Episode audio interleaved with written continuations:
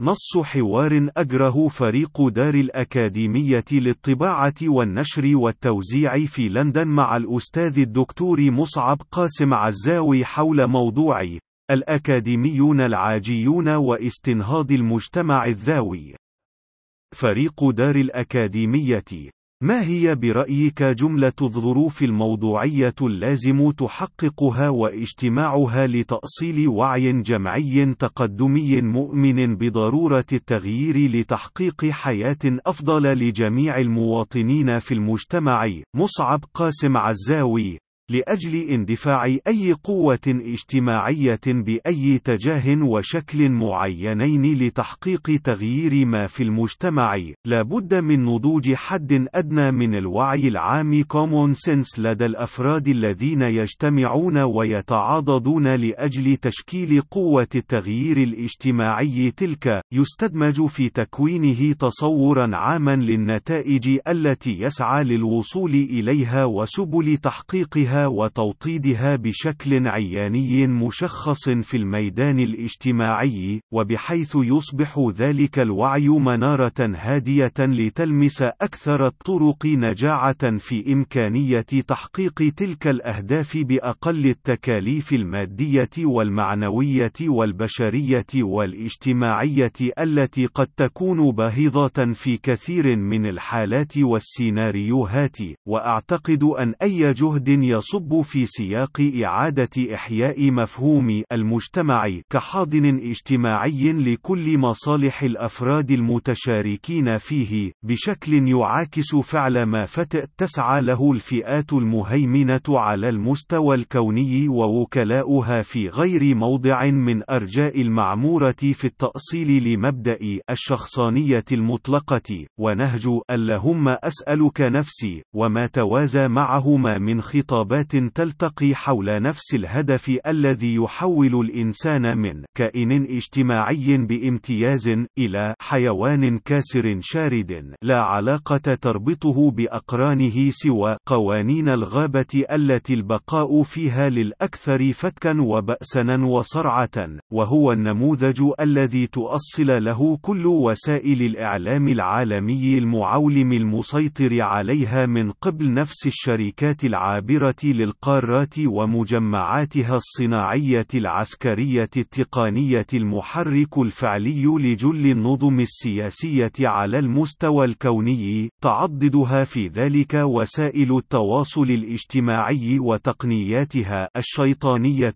في إلهاء وتحوير وإعادة تنميط رؤى وأهداف البشر من حيواتهم ووجودهم الاجتماعي فيها، والمحور الثاني الذي لا يقل أهمية أهمية عن ذلك الأول المرتبط باستنهاض المجتمع مفهوما وعملا يتعلق بتأصيل التنوير والعقلانية والرشاد من مداخل تنسجم مع مستوى الوعي في المجتمع ودون أن تكون مستجلبة بشكل فوقي أو استعلائي أو إرادوي يجعل من توطنها في وجدان الإنسان الاعتباري البسيط معضلة تنجم عن الصعوبة الفطرية في استبطان استبطان أي معطنان فكري غير متسق مع نسق الوعي العام التاريخي الاجتماعي الذي استشربه الشخص في مجتمعه الأول البسيط الذي نشأ فيه، وهذا كله يستدعي اجتهادا ممنهجا لتأصيل معرفة واستنارة في المجتمع على شكل ثقافة شعبية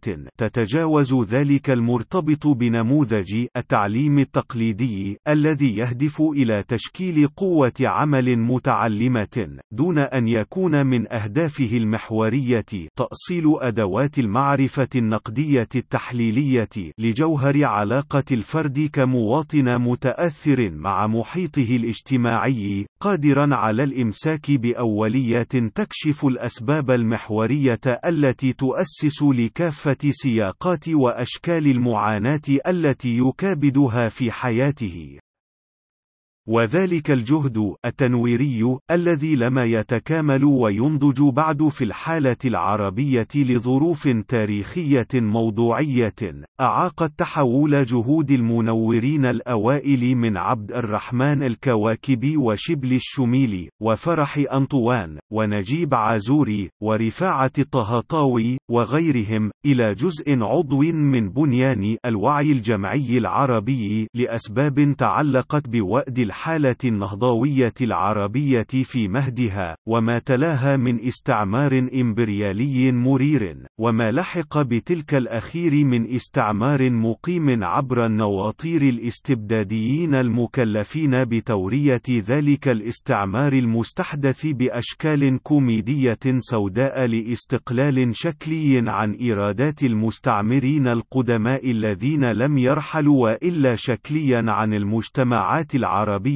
ولتحقيق هذين الهدفين الموضوعيين لا بد للفئات المتعلمة في المجتمعات العربية وخاصة تلك القابعة في المؤسسات الأكاديمية العربية من التحول من حيز اعتبار ما تمكنت من مراكمته من معارف وخبرات بمثابة أوسمة ونياشين تتفاخر بها وهي تصول وتجول اختيالا في الدهاليز الأكاديمية وعبر ما تعلقه من شهادات وثناءات في إطارات مذهبة على جدران منازلها ومكاتبها إلى حيز النظر إلى ذلك التأهيل المعرفي الرفيع الذي تمكنت من الوصول إليه بكونه تكليفا ثقيلا. يشترط من كل من عديدها العمل المجتهد المصابر لتأصيل ما توصلت إليه من معرفة أكاديمية في المجتمع التي تعيش في كنفه بعد إعادة تبسيطها وتكثيفها وجعلها في متناول كل المستويات المعرفية للمتشاركين في الفضاء الحيوي لذلك المجتمع